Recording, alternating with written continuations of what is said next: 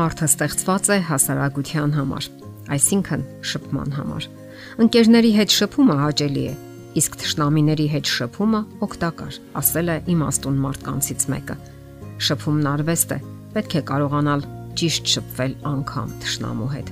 Երիտասարդներն առավել եւս սիրում են շփվել, նաև հմտանալ շփման արվեստում անկասկած է, որ սա հիանալի որոշում է եւ միակ երաշխիքը, որ հարաբերությունները բնական ընթացք կունենան։ Երիտասարդական հարաբերություններում հարկավոր է խնամքով կշռադատել ամեն ինչ։ Կարևոր են նույնիսկ բարերը, չէ՞ որ արտաբերելուց հետո դրանք հետ չես վերադարձնի։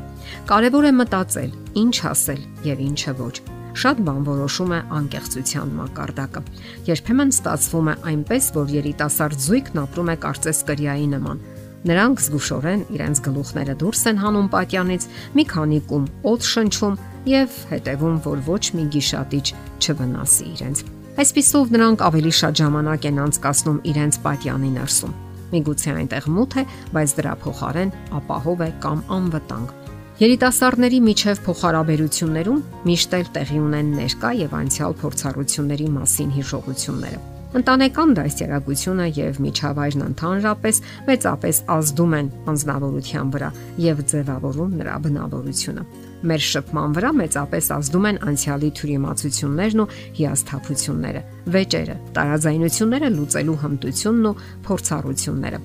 Որքան ցավոտ է վերքը եւ ուժեղ անցյալի բարկությունը, այնքան քիչ հնարավորություն կա շփման մեջ հաջողության հասնելու համար։ Իսկ ահա, երբ սկսում ենք մտածել մեր անհաջողությունների եւ դրանք ծնող պատճառների մասին, այնքան մեծ է հավանականությունը, որ մենք կարող ենք հիանալի փոխհմբռնման հասնել հակառակ սեռի ներկայացուցչի հետ։ Անհրաժեշտ է ճիշտ ընթացքի մեջ դնել հարաբերությունները եւ չշտապել։ Հնարավոր է մեզ համար այլ ելք կա կամ այլ տարբերակ է նախատեսված, սակայն երիտասարդը անխոհեմ որոշում է կայացնում եւ ընկնում ավելի մեծ անախորժության մեջ, քան եթե ընդհանրապես չամուսնանար։ Ահա թե ինչու երիտասարդներին անհրաժեշտ է որոշակի գիտելիքներ, իմանալու ինչպես շփվել հակառակ սեռի ներկայացուցչի հետ եւ ճիշտ ընթացքի մեջ մնալ։ Ընդ որում պետք է նկատի ունենալ, որ տղաներն ու աղջիկները շփվում են տարբեր ձևով։ Փոքրիկ աղջիկներն օրինակ խաղում են զույգերով, իսկ երբ մեծանում են, ունենում են լավագույն ընկերուհի կամ մի քանի լավ ընկերներ։ Սովորաբար նրանք մասնավոր զրույցներ են վարում կամ համատեղ գաղտնիքներ են ունենում։ Ընդ որում աղջիկների համար ավելի կարևոր է վստահության փորձառությունը։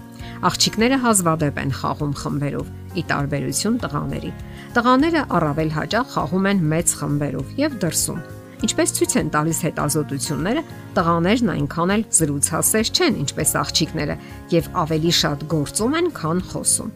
Նոր անդամին նրանք թեթևորեն ընդունում են իրենց խմբի մեջ, սակայն նա դեռ պետք է ապացուցի իր ուժն ու կարողությունները։ Այս ամենը ստուգվում է մրցակցությամբ։ Ընդ որում տղաներն օգտագործում են իրենց ողջ սրամտությունը, կատակները, չարաճճիությունները, մարտահրավեր են նետում միմյանց եւ որոշում թե ով է լավագույնը։ Խմբի յուրաքանչյուրն իր տեղն է որոնում կյանքում, նաև դրա միջոցով։ Տղաներն ու աղջիկները մեծանալով հասուն կյանք են մտցնում հարաբերությունների այդ առանձնահատկությունները, որոնք տարիների հետ ավելի են ամրապնդվում եւ ձեռք են բերում անհատական գծեր։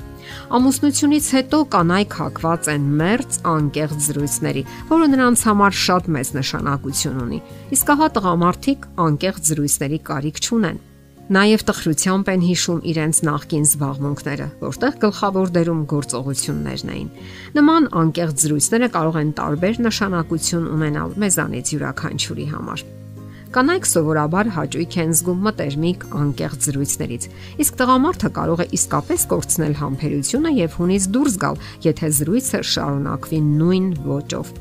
Իրենց ծննդից ի վեր կանայք ու տղամարդիկ բացարձակապես տարբեր կենսական փորձառություններ ունեն Փոքրիկ տղաները հոգեբանական այլ կառուցվածք ունեն, փոքրիկ աղջիկները մեկ ուրիշ։ Երբ նրանք մեծանում են, այդ առանձնահատկություններն ավելի են ամրապնդվում եւ հետեւաբար նրանք ամուսնություն են տանում տարբեր պատկերացումներ, թե ինչ եւ երբ պետք է խոսել։ Կողմերից յուրաքանչյուրը ձգտում է լսել յուրովի, քննարկել ուրիշ թեմաներ, այլ կերպ լուծել հիմնախնդիրները։ Նրանք ունեն իրենց անձնական մերձ պահանջմունքները, եւ յուրաքանչյուրը յուրովի է կառուցում իր մերձությունը։ Այսպիսով կարելի ասել, որ կանայք ու տղամարդիկ բացարձակապես տարբեր պատկերացումներ ունեն բարեկամության մասին, իսկ շատ տարբերություններ էլ սոցիալական գործոնի արդյունք են։ Խոսենք նաև խանդի մասին։ Խանդը հիվանդագին զգացում է եւ սիրո կեղծ ցուցիչ։ Այն կարող է լինել սիրահարվածության դեպքում, սակայն չի կարող վկայել ուժեղ սիրո մասին։ Իսկ շատերը թյուրիմացաբար այն ընդունում են որպես սիրո միակ ապացույց։